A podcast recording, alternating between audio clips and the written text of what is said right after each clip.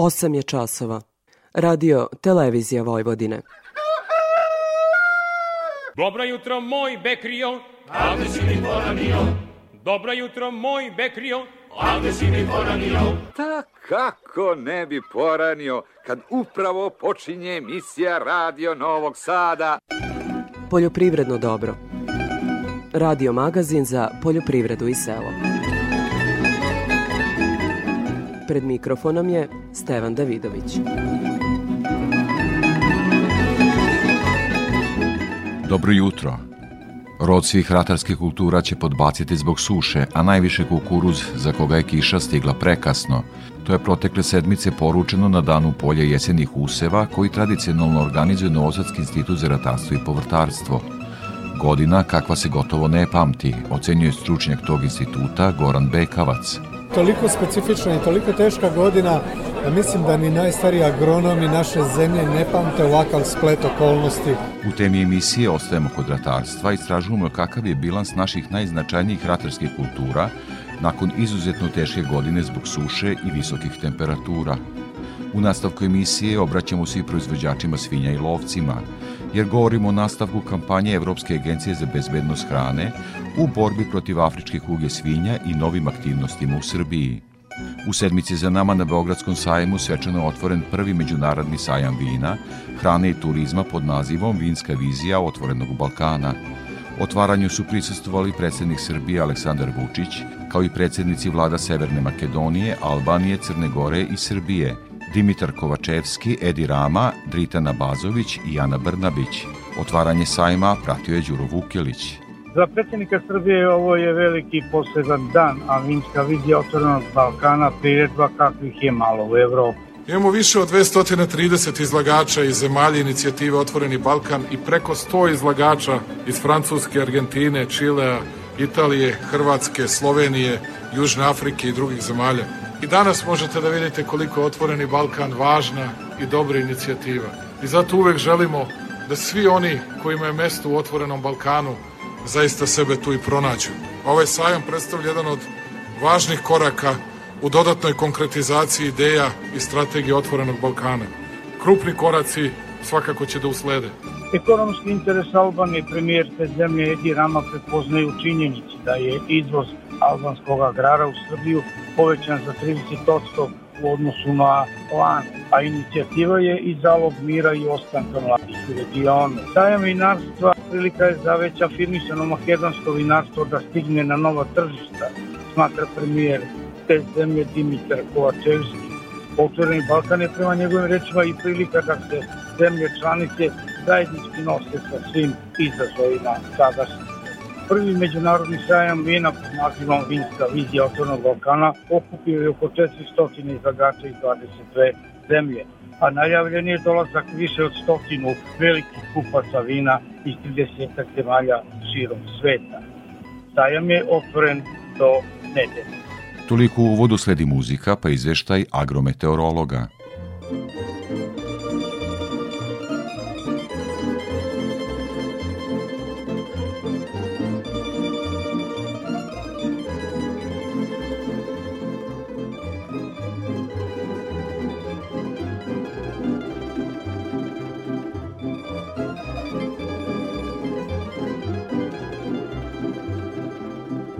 Imam dragu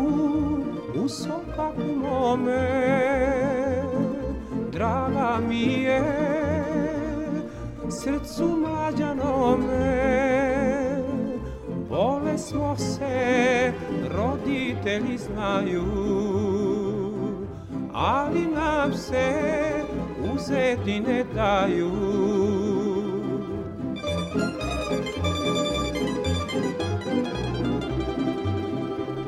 Sinoć draga krijuć sa mnom tužne mi reči šaputala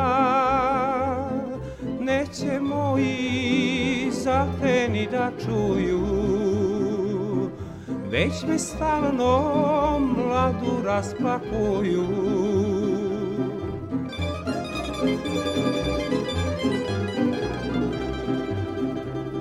Draga moja, nemoj tugovati Sutra ćemo zoro putovati. Vodit ću te preko sinjeg mora. Naša ljubav procvetati mora. Naša ljubav procvetati mora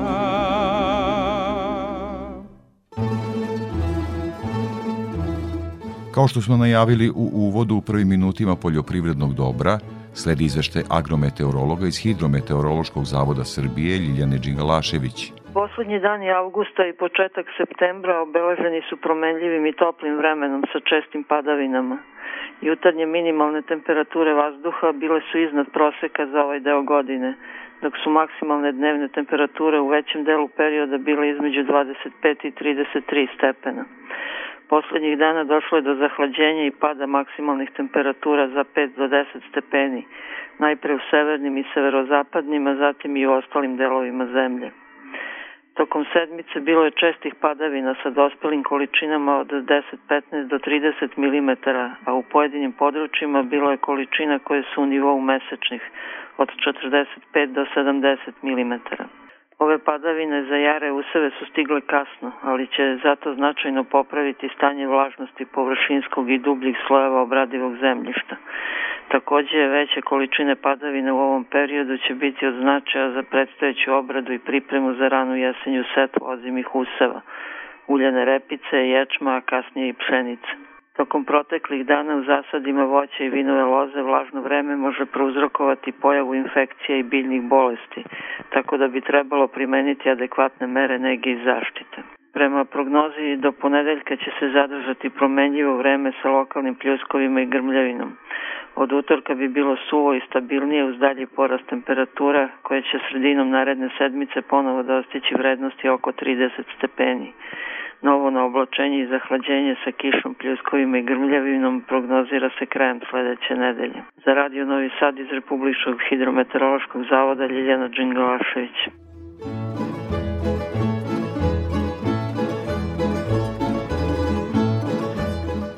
Rod svih ratarskih kultura će podbaciti zbog suše, a najviše kukuruz za koga je kiša stigla prekasno.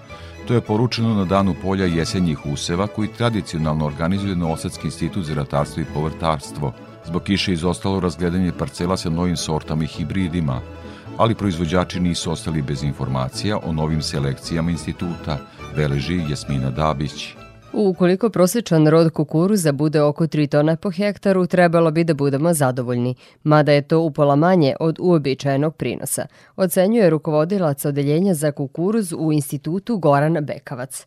Toliko specifična i toliko teška godina da mislim da ni najstariji agronomi naše zemlje ne pamte ovakav splet okolnosti. Suncokret je ipak donekle odolao suši, kaže rukovodilac odeljenja za uljane kulture Vladimir Miklić. Mi smo zadnjih par godina imali oko 3 tone po hektaru, da podsjetim, prosječan prinos u Srbiji, a to je najbolji prosječan prinos malte ne i u Evropi koji se ostvaruje. A, očekujemo naravno pad, ali ne možda preterano velik pad, za sada to izgleda da će biti možda jedno 10% manje nego što je to prošle godine. Sve izraženije klimatske promene nalažu proizvodnju novih, sve otpornijih sorti hibrida, rekao je direktor instituta Jegor Miladinović otvarajući Dan polja. Pored aktualnog sortimenta možete videti i najnovije, kao i perspektivne sorte i hibride za koje smatramo da su i bolje od standardnih i da će ubrzo zauzeti značajne površine kako kod nas, tako i u inostranstvu. Institut je ustanova od nacionalnog značaja i to, kako je naglasio predsjednik Skupštine Vojvodine Ištvan Pastor, prevashodno zbog odnosa sa proizvođačima. To je ono što čini institut institucijom od nacionalnog značaja, jer ga prihvata praktično sloj poljoprivrednih proizvođača unazad decenijama. Institut za ratarstvo i povrtarstvo u Novom Sadu osnovan je 1938. godine. Do sada je stvorio više od 1200 sorti hibrida, od kojih je većina registrovana u svetu i gaji se u više od 30 zemalja.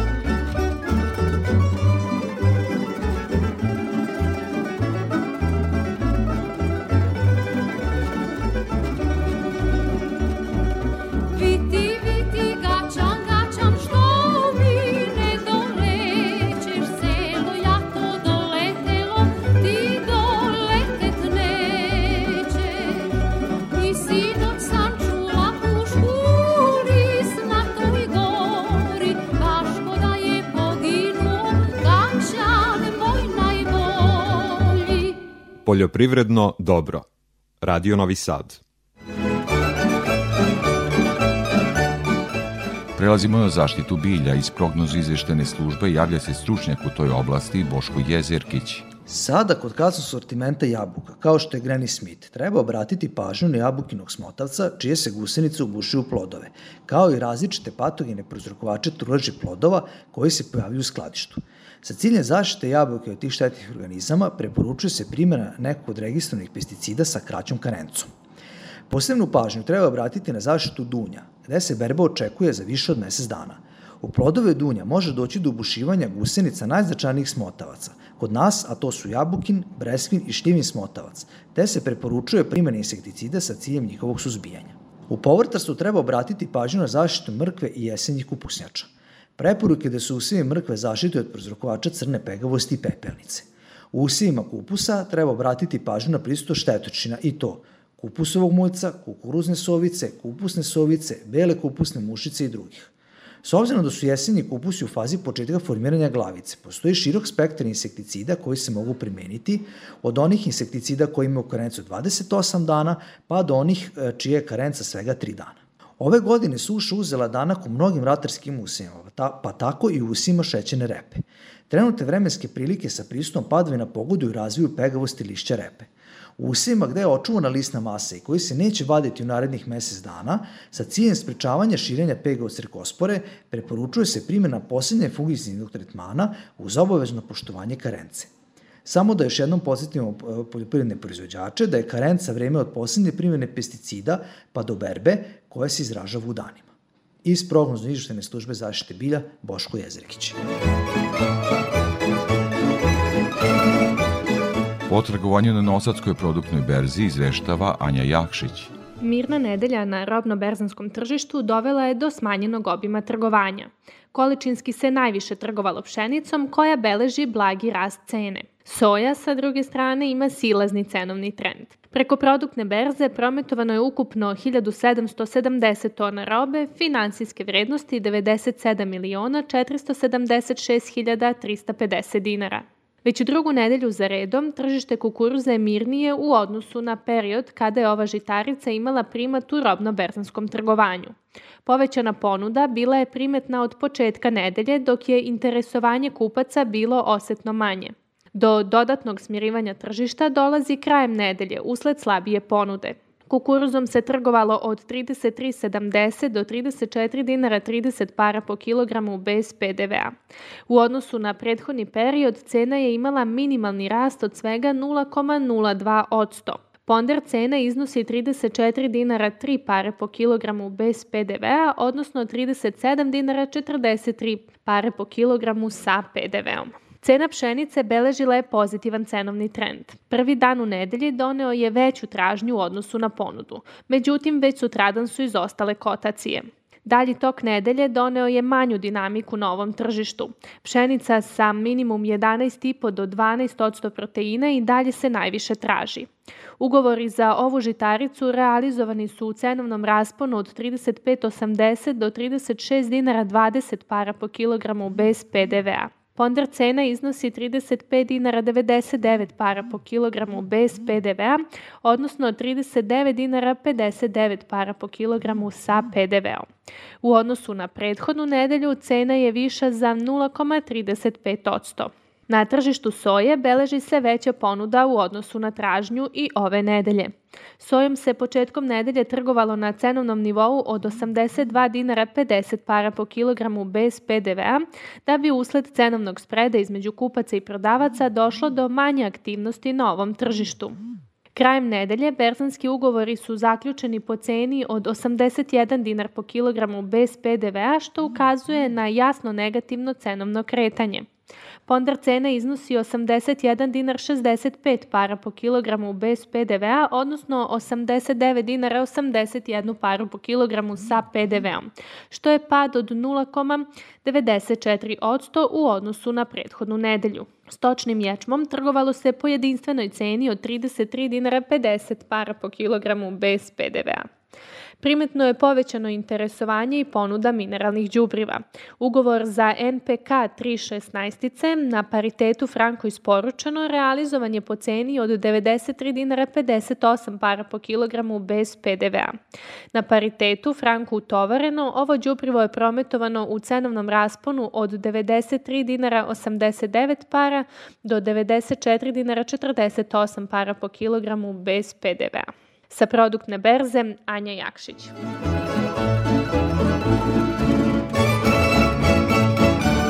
Kao i svake nedelje pratimo izveštaj o cenama sa tržišta žive stoke.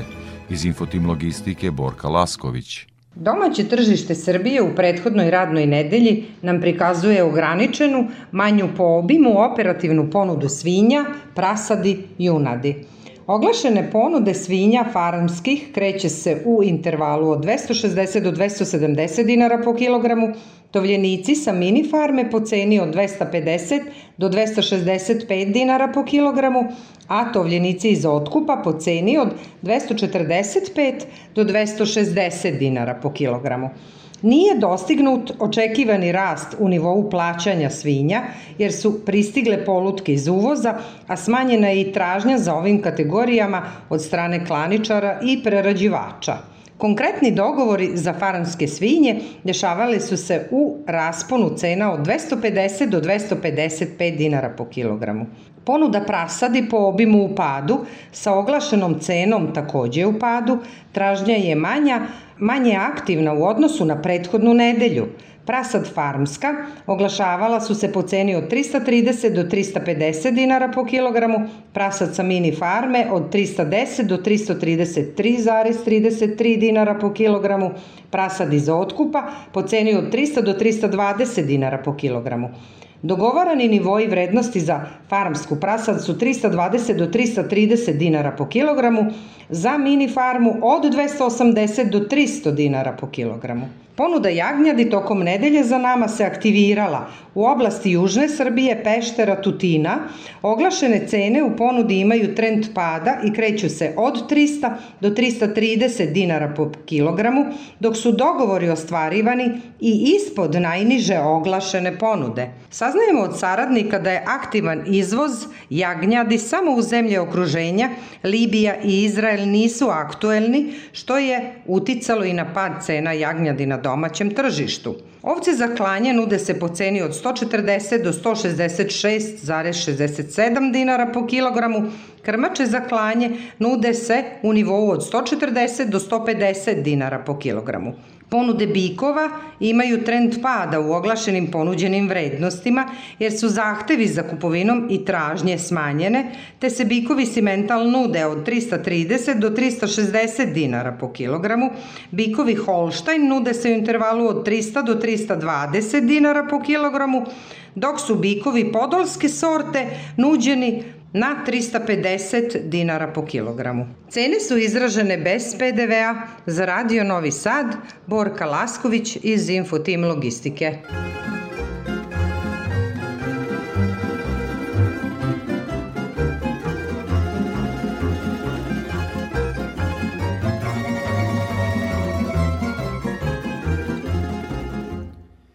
Kad se setim zoro tebe meni moje srce zebe, pa me tuga obuzima, ti si zoro najmilija. Zorice, zoro moja, očara me ljubav tvoja,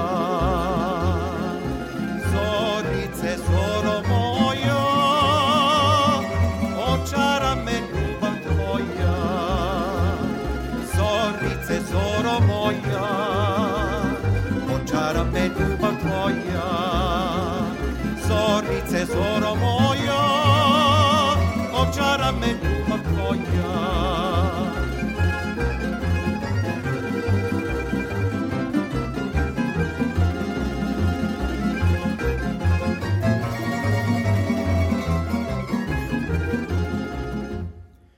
Kad se setim zoro tebe, meni moj moje srce vene, neka ga neka vene, samo kad si pokraj mene.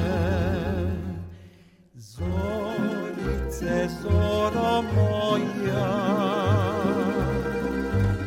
očara me ljubav tvoja. Zorice, zoro moja,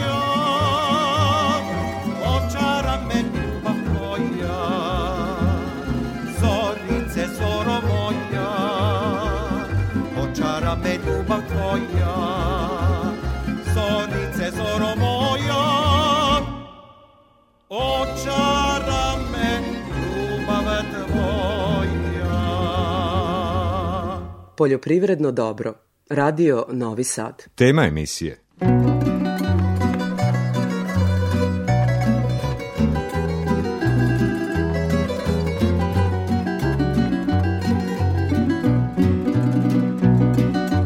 Temi emisije ostajemo kod ratarstva. Istražujemo kakav je bilans naših najznačajnijih ratarskih kultura nakon izuzetno teške godine zbog suše i visokih temperatura. Moj sagovornik je agroekonomski analitičar Žarko Galetin. Evo gospodine Galetin, žetva suncokreta je u toku, približava se žetva kukuruza, soje, sve je nekako ranije stiglo nego ranijih godina zbog koje velike žege, suše. Mnogo se govorilo dok je još vegetacija bila, dok su biljke bile mlade, o bilansima. Šta će se desiti, hoćemo zatvoriti i imati ono što smo planirali? Dakle, nalazimo se u jednoj ekonomskoj godini koja će u svakom slučaju ostati upamćena po veoma lošim prinosima. E, godina koja se može porediti sa 2017. pa možda čak i sa 2012. godinom, kada su pretapljeni veliki gubici upravo zbog istih razloga kao i ove godine, to je velika suša, nedostatak vlage, visoke temperature. Pšenica je, da kažemo, jedina kultura koja na neki način, ako možda tako da se izrazimo, pobegla od, od tih julskih vrelina, nedostatka padavina, požnjevena je već početkom jula meseca i prinosi kod pšenice su relativno, da kažem, solidni, imamo ukupan prinos, e, tu negde oko 3,2 miliona tona, što daleko premašuje naše domaće bilansne potrebe koje se kreću u nivou oko 1,8 miliona tona, što znači da će pšenica odbaciti jedan izvozni višak koji će biti po prvi put posle dužeg vremena, u stvari čak ja lično i ne pamtim da je pšenica odbacivala veći izvozni višak nego kukuruz, ali ove godine će to evidentno biti. Dakle, neki izvozni višak od preko milion tona, između milion, pa možda čak i milion 500 hiljada tona. Sa druge strane, okopavine, dakle, jesenji usevi, kukuruz, soja, suncokret, šećerna repa, će pretrpeti velike, velike gubitke od ove suše. Ove kiše koje smo imali proteklih dana neće ništa pomoći ovim usevima. Najveću štetu će pretrpeti soja i kukuruz.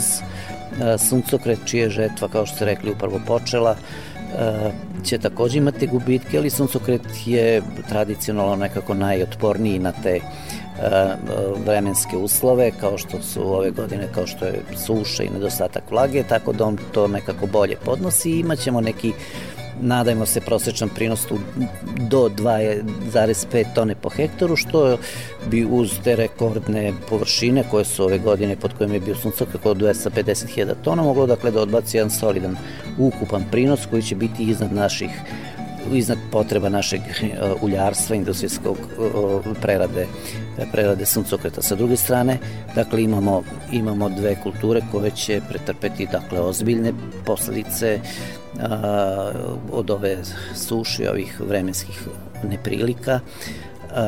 Kod kukuruza možda bi, biće dobro ako to bude neki prosječan prinos oko 4,5 tone po hektaru, sve preko toga bi stvarno bilo u, imajući, uzimajući obzir ove okolnosti izuzetno dobro, što podrazumeva da ćemo imati tu negde tek nešto preko 4 miliona tona, 4,3, 4,4 miliona tona, kažem to su sad već ovako dosta procene koje bi mogle da budu relativno tačne i što u krajnjoj liniji znači da će sam ukupan prinos ovogodišnji pokriti, zatvoriti domaće bilansne potrebe potrošnje, što znači da bi eventualno za izvoz preteklo vrlo nešto malo od ovogodišnjeg roda i neke prelazne zalihe kojih evidentno imamo u ovom trenutku, ali to će i dalje biti jedan kukuruz će definitivno izgubiti, da tako kažem, tu neku epitet nekog, nekog našeg izvoznog lidera i kulture koja će odbaciti najveći izvozni priliv. Što se tiče suncokreta, to je poljoprivredna kultura koja je izazvala najveš, najviše, da tako kažem, neke pažnje u domaćoj agrarnoj javnosti protesti koji su bili i tako dalje. Suncokret će dakle imati taj neki, kao što sam već rekao, solidan prinos u ovakvim okolnostima. E, ono što definiše cenu suncokreta u ovom trenutku jesu ne samo uslovi e, prouzrokovani rusko-ukrajinskim sukobom, gde Ukrajina kao najveći svetski proizvođač suncokreta će imati ozbiljne podbačaje u prinosu i ukupan prinos suncokreta na svetskom nivou će biti m, znatno manje, za nekih 18% manji nego što je to bilo prošle godine, upravo zbog Ukrajine, međutim, ipak u sektoru uljarstva moramo posmatrati iz jedne druge perspektive u nekom mnogo širem kontekstu, u kontekstu svih uljarnih kultura, koje će ove godine, dakle, kada kažem to, mislim i na uljanu repicu, na soju, na palmino ulje u krajnjoj liniji, dakle sve kulture koje, od kojih se proizvodi e, jestivo ulje, dakle one će imati prinos nekih 640 miliona tona, što je znatno više od prošlogodišnjeg ukupnog prinosa koji iznosio 600 miliona tona, što hoću da indicira da se to tržište polako stabilizuje i da cena suncokreta i suncokretovog ulja u krajnjoj liniji ne može biti toliko visoka kao što smo očekivali negde u proleće, kada je cena suncokreta na terminskom tržištu iznosila preko 100 dinara, a da mi danas imamo situaciju da uljare plaćaju tek neki 60 preko 60 dinara, još se ta cena nije do kraja izdefinisala na, na našim proizvođačima suncokreta. Država pomaže nekim premijama od 7,8 dinara po kilogramu za predat suncokret prerađivačima, registrovanim prerađivačima ulja, što i dalje neće biti cena u ukupnom iznosu koja će zadovoljiti naše ratare, ali eto, kako je krenulo proletos, kažem, sa tom terminskom cenom, ovo je prilično razočaravajuće, ali i dalje suncokret je ipak taj koji je odbacio uh, u odnosu na soju i kukuruz relativno dobar prinos i mislim da će to ponovo biti taj neki inicijalni okidač da suncokret ponovo zaposedne bar tih nekih 250.000 hektara kao što je bilo i ove godine. Ali smo, evo, gospodine Galetin, na pragu jesenje setve, uljana repica i sve redom kako već ide do, naravno, pšenice. Cene inputa, kakva je situacija sa, sa, sa ćubrivom, cene, da li će ulagati poljoprivrednici, šta iskustvo iz godina ovakvih upućuju? Veliki problem će biti našim poljoprivrednim proizvođačima prilikom zasnivanja novih, nove setve. Pre svega sad tu mislim dakle na, na setvu uh, pšenice pre svega, pa potom i uljane repice.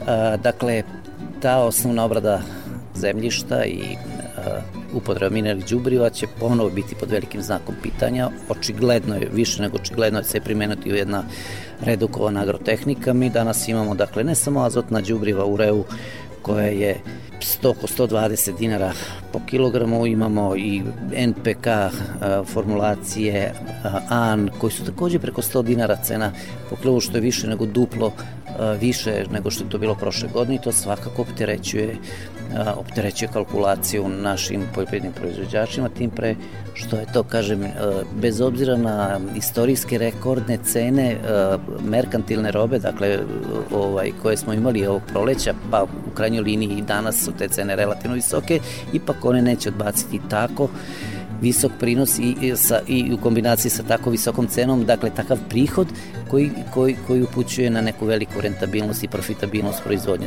Iz tog razloga mislim da upravo ta okolnost a, o, o tim visokim cenama mineralnih đubriva će dovesti do toga da ćemo ponovo imati jednu redukovanu agrotehniku što se u krajnjoj liniji odraziti na ukupan proizvodni rezultat i na, i na ukupne prinose. Ništa ne indicira da bi se cena na tržištu mineralnih đubreva mogla a, u tolikoj meri smiriti da nešto značajnije padne s obzirom na situaciju sa gasom koji ne samo da je otišao, čija cena ne samo da je otišla gore, nego se postavlja pitanje pristupačnosti, dakle dostupnosti. Rusi upravljaju tržištem gasa na način koji naravno njima odgovara, tako da sve to zajedno dovodi u pitanje kvalitet setve i pripreme zemljišta za jesenju kampanju. Možda je zgodno pomenuti u ovako zaista teškim godinama stočarstvo koje je u agraru vrlo bitno i nosač. Kako će se to odraziti na stočarstvo? I sada nam je relativno slabo i učešće u ukupnom agraru relativno nisko za neku budućnost ovako teške godine. Stočarstvo ispašta svake godine i kad su godine bile dobre i kada i kada su loše, stočarstvo jednostavno je jedna zapuštena grana naše poljoprivrede agrarna politika ne može, nije pronašla način i put kako da revitalizuje stočarstvo, stočarstvo koje, koje zahteva mnogo više vremena za revitalizaciju, za obnavljanje u odnosu recimo na sektor ratarstva. Mi danas imamo tek jedna trećina prihoda poljoprivrede dolazi od stočarstva, dve trećine primarne biljne proizvodnje i to ono što u svakom slučaju ne valja. Dakle, mi imamo problem i sa mlečnim govedarstvom, i sa tovnim govedarstvom, sa svinjarstvom, i čak i kada se pojave neke naznake da bi se jedan od sektora mogo malo da se oporavi, kao što je bio slučaj sa tovnim svinjama, kada su u jednom trenutku otišle na preko 200 dinara a, po kilogramu, a, država donosi meru o limitiranju cena svinskog buta, plećke i tako dalje, dakle o zamrzavanju jel, cena, određivanju tog nekog najvišeg nivoa, otkupljivači su, klaničari su odmah reodreagovali tako što su spustili cenu cenotovljenika, hoću da kažem da jednostavno sve se urotilo protiv naših stočara i veliko je pitanje koliko će oni dugo još moći da izdrži. Naravno da njih pogađaju i te visoke cene. Njihov input je ono što je bilj, proizvođač u biljnom sektoru output, dakle to su pšenica, kukuruz, soja, suncokret, i, i kada imate tako visoke cene, to u svakom slučaju uz cene energenata koji su takođe značajna stavka u kalkulaciji u govedarstvu i stočarstvu, tada dolazite u situaciju da oni jednostavno ne mogu da zatvore svoju kalkulaciju i da ulaze u ozbiljan problem zanavljanja svoje proizvodnje. Neka vaša poruka ovog momenta ratarima sa kojima smo počeli i njihovim prinosima, vredili sad čekati prodaje, puštati, kako će se dešavati najkraće? Situacija je vrlo napeta na svetskom tržištu i to se vidi na severnoj hemisferi nije baš neka ružičasta situacija što se tiče samih prinosa, tu mislim i na američki kontinent i na Evropu. Evropa se suočila sa velikim sušama, značajni podbačaj, već je sasvim jasno da će ovogodišnji bilansi pšenice biti na nivou 10 miliona tona manjih manje proizvodnje od, od očekivane ukupne potrošnje. Bilansi kukuruza su tu negde izjednačeni, ukupna proizvodnja na, na, na, je na nivou ukupne očekivane potrošnje, što znači da su ti bilansi prilično napregnuti, što može da indicira da bi cene mogle da budu još veće. Još jedan vitan faktor, to je rusko-ukrajinski sukob koji u velikoj meri remeti svetsko tržište hrane i svetsko tržište primarnih proizvoda, tako da nezahvalno trenutku reći i dati neki pametan savjet poljoprivrednim proizvođačima. U svakom slučaju ono što je izvesno da će cene biti veće za par meseci nego sada kada je vreme žetve, berbe, skidanja useva, kada je ipak pritisak ponude veći, bez obzira na to što će biti podbačaja, tako da, eto, moj bi savjet bio da malo istaktiziraju, da sačekaju, da prođe ova prva navala prodaje i ponude od same, kao posljedica same žetve, odnosno berbe, tako da eto, neka sačekaju malo, neka naprave neku svoju tržišnu strategiju, naprave tu takozvanu disperziju rizika, da naprave strategiju kada će šta, koju robu prodavati. U svakom slučaju, mislim da će i ova godina sa aspekta cena njihovih proizvoda, dakle merkantile, biti naklonjena i da će cene biti, da ćemo 2022. 23. ekonomsku godinu zapamtiti kao godinu visokih cena. Žarko Galetin, agroekonomski analitičar, veliko vam hvala za ovaj razgovor i učešću u programu Radio Sada. Hvala i vama.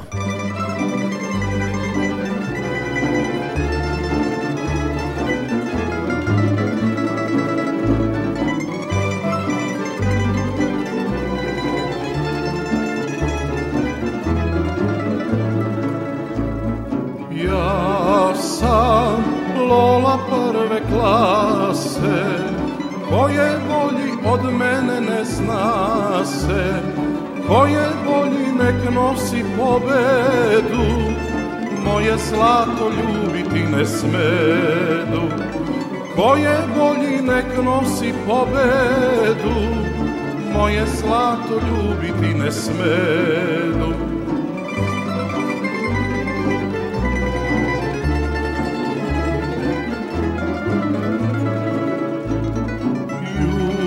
Jutros docka niz kafane Na vratima dočeka me lane Pa mi širi ruke oko vrata.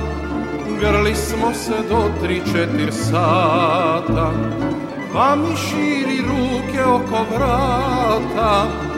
Grli smo se do tri, četir sata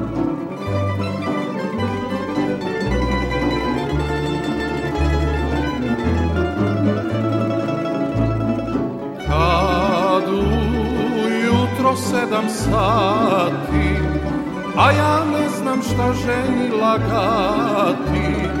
Moram reći da sam svu noć pio Neće znati koju sam ljubio. Moram reći da sam svu noć pio Neće znati koju sam ljubio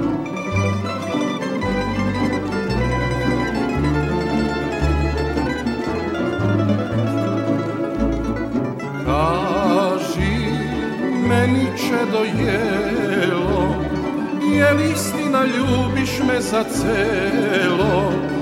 Istina je jedinog mi Boga Tebe volim i više nikoga. Istina je jedinog mi Boga Tebe volim i više nikoga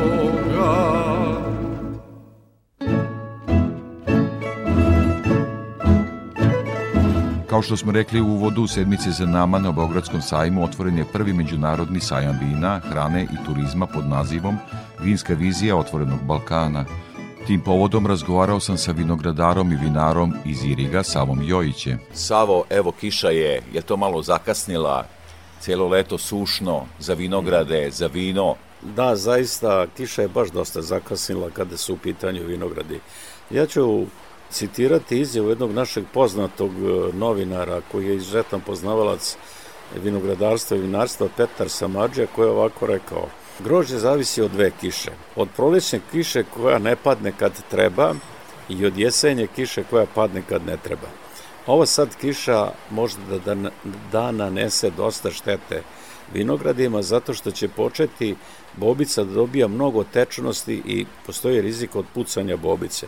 Onog trenutka kad bobica putne, ona je izuzetno osetljiva na trulež i može ceo godišnji trud da se desetkuje. Znači, kiša na baš ovom trenutku ne znači mnogo. Ali je bilo dosta sunca, pa će, pretpostavljam, vino biti vrhunsko kvaliteta. Ako se ne desi da bobice ispucaju, da se ne stvore uslovi za patogene, grožđe će biti odlično. Samo da odmah pređemo na sajam vina u Beogradu, promocija praktično našeg vinarskog sektora, vaša ocena toga? Ja rečju mogu da kažem ovo je spektakularno. Možda ima i razmišljanja da nam ne treba toliko konkurencije, da nam ne trebaju vinari malte ne iz cele jugoistočne Evrope.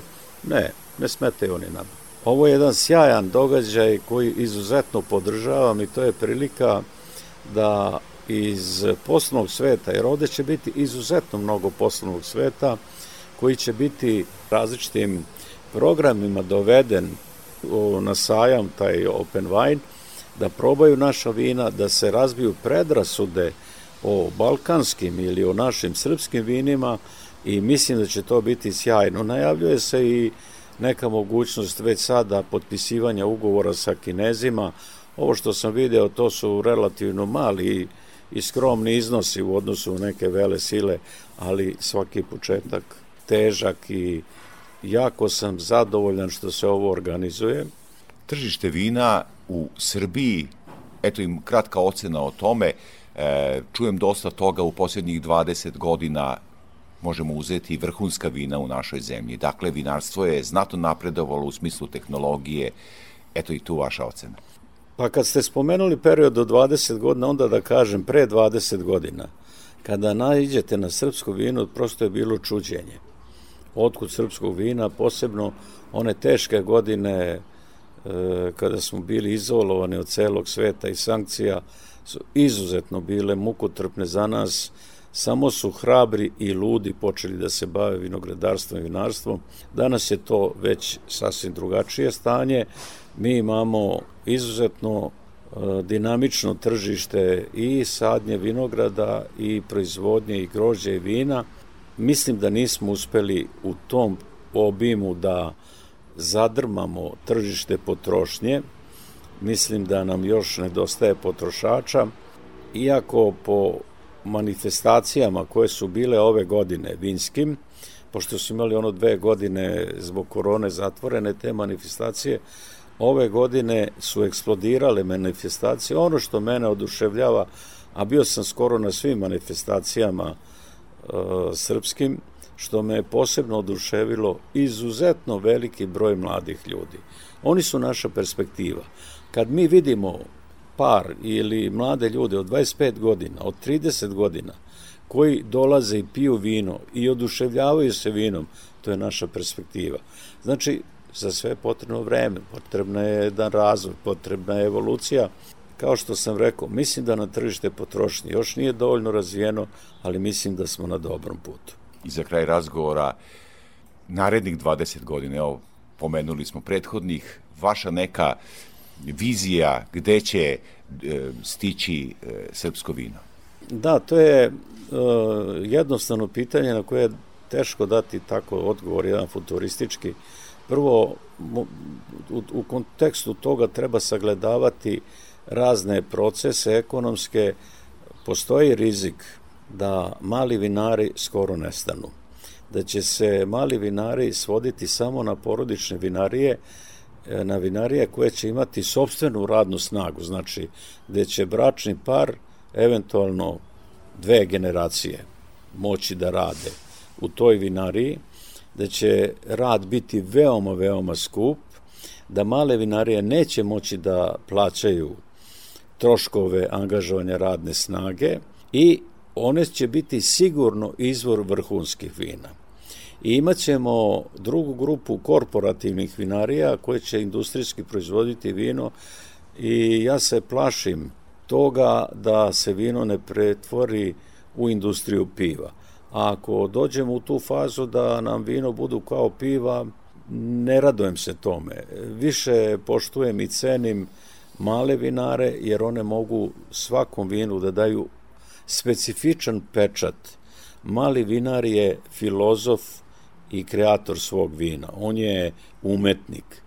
I svako vino se razlikuje, može imati 10 vina od portugizera, svi da budu vrhunski, a svi da budu različiti. U tome je bogatstvo u vinarstvu. Ako mi imamo jednu vrstu, recimo grašca, gde vi probate, gde god odete, on je potpuno isti, gubi se njegova draž. Znači, verujem da će država uspeti da sačuva male vinare. Ako to bude, ja ne brinem za perspektivu našeg vinarstva. I inače smo zemlja sa izuzetno dobrim podnebljem i dobrim sastavom zemljišta ili bi mi rekli pedologijom koja može i mora da proizvodi mnogo vina kvalitetnog. Vinarija Mačkov podrum, vinogradar i vinar Sava Jojić. Velikom hvala za ovaj razgovor i učešće u programu Radio Novog Sada. Hvala i vama i pozdrav vašim slušalcima.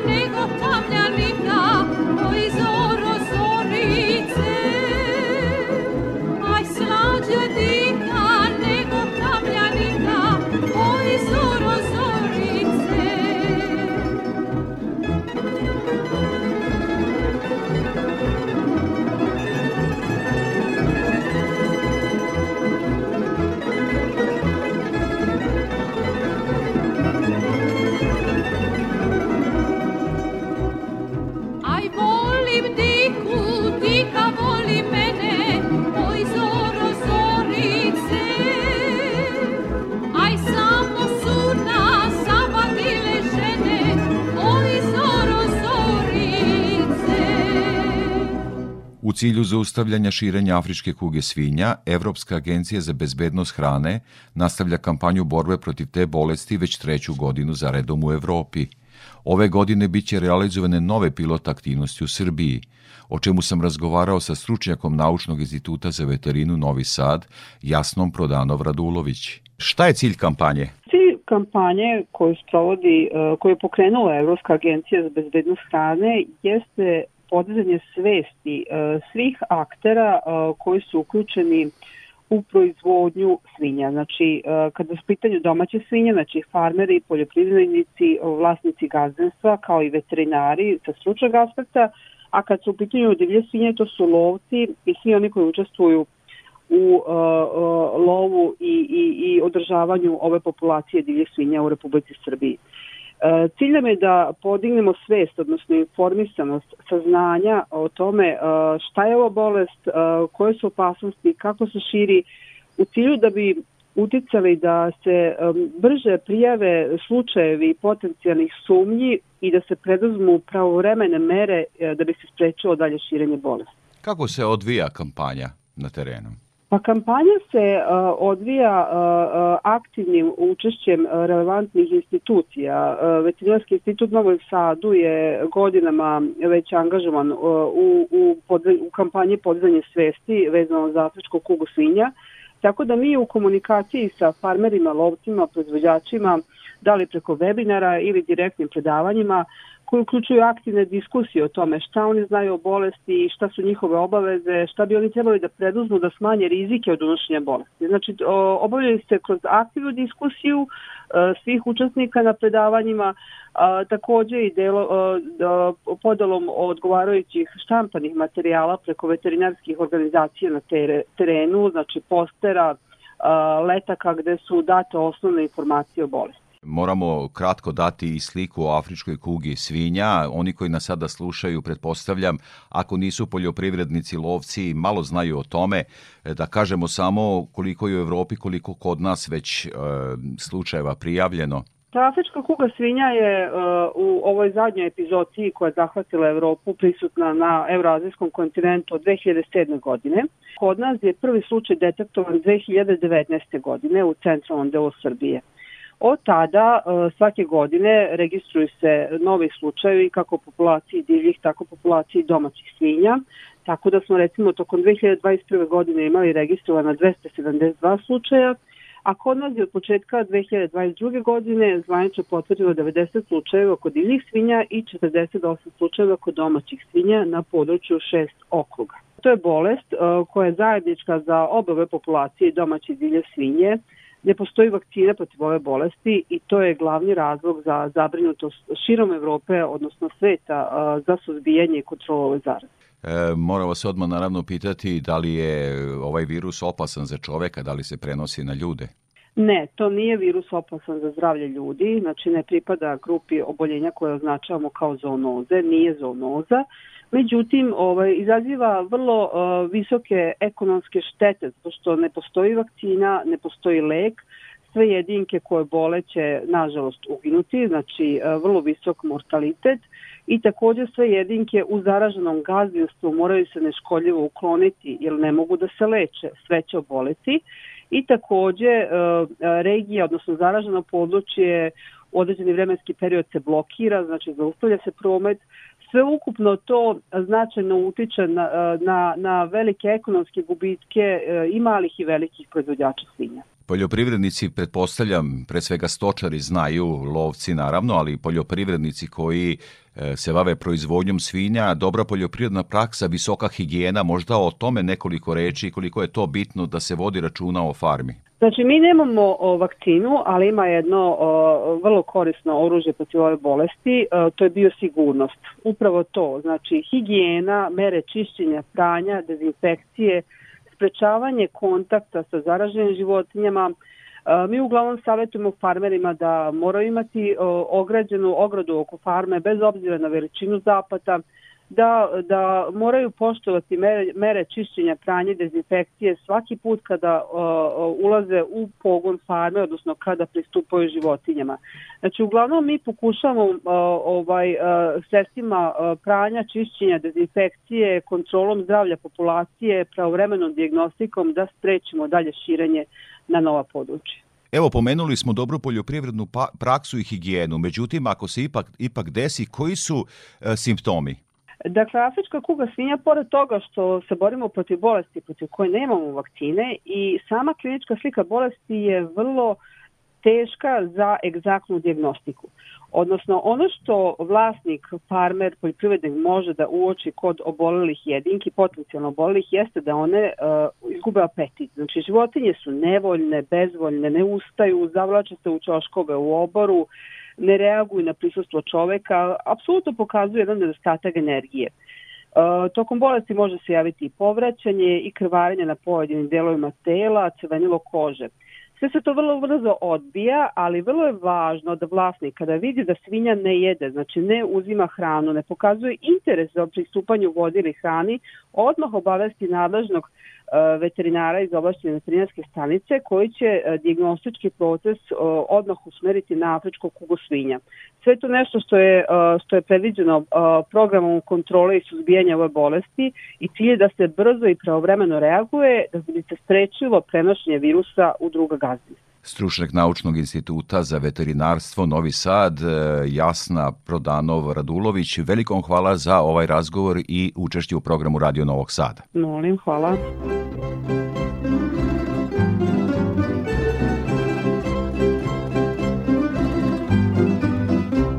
I pred kraj emisije još jednom prognoza za narednu sedmicu. Iz Hidrometeorološkog zavoda Srbije Ljiljana Đingalašević. Prema prognozi do ponedeljka će se zadržati promenljivo vreme sa lokalnim pljuskovima i grmljavinom. Od utorka bi bilo suvo i stabilnije uz dalji porast temperatura koje će sredinom naredne sedmice ponovo dostići vrednosti oko 30 stepeni. Novo na oblačenje i zahlađenje sa kišom, pljuskovima i grmljavinom prognozira se krajem sledeće nedelje.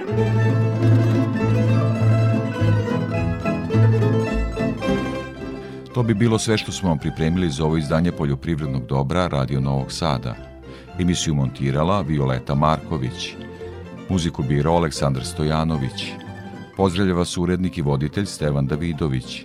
Naredni susret je za sedam dana uz podsjećanje da emisiju možete slušati odloženo na portalu Radio Televizije Vojvodine na adresi rtv.rs. Svako dobro.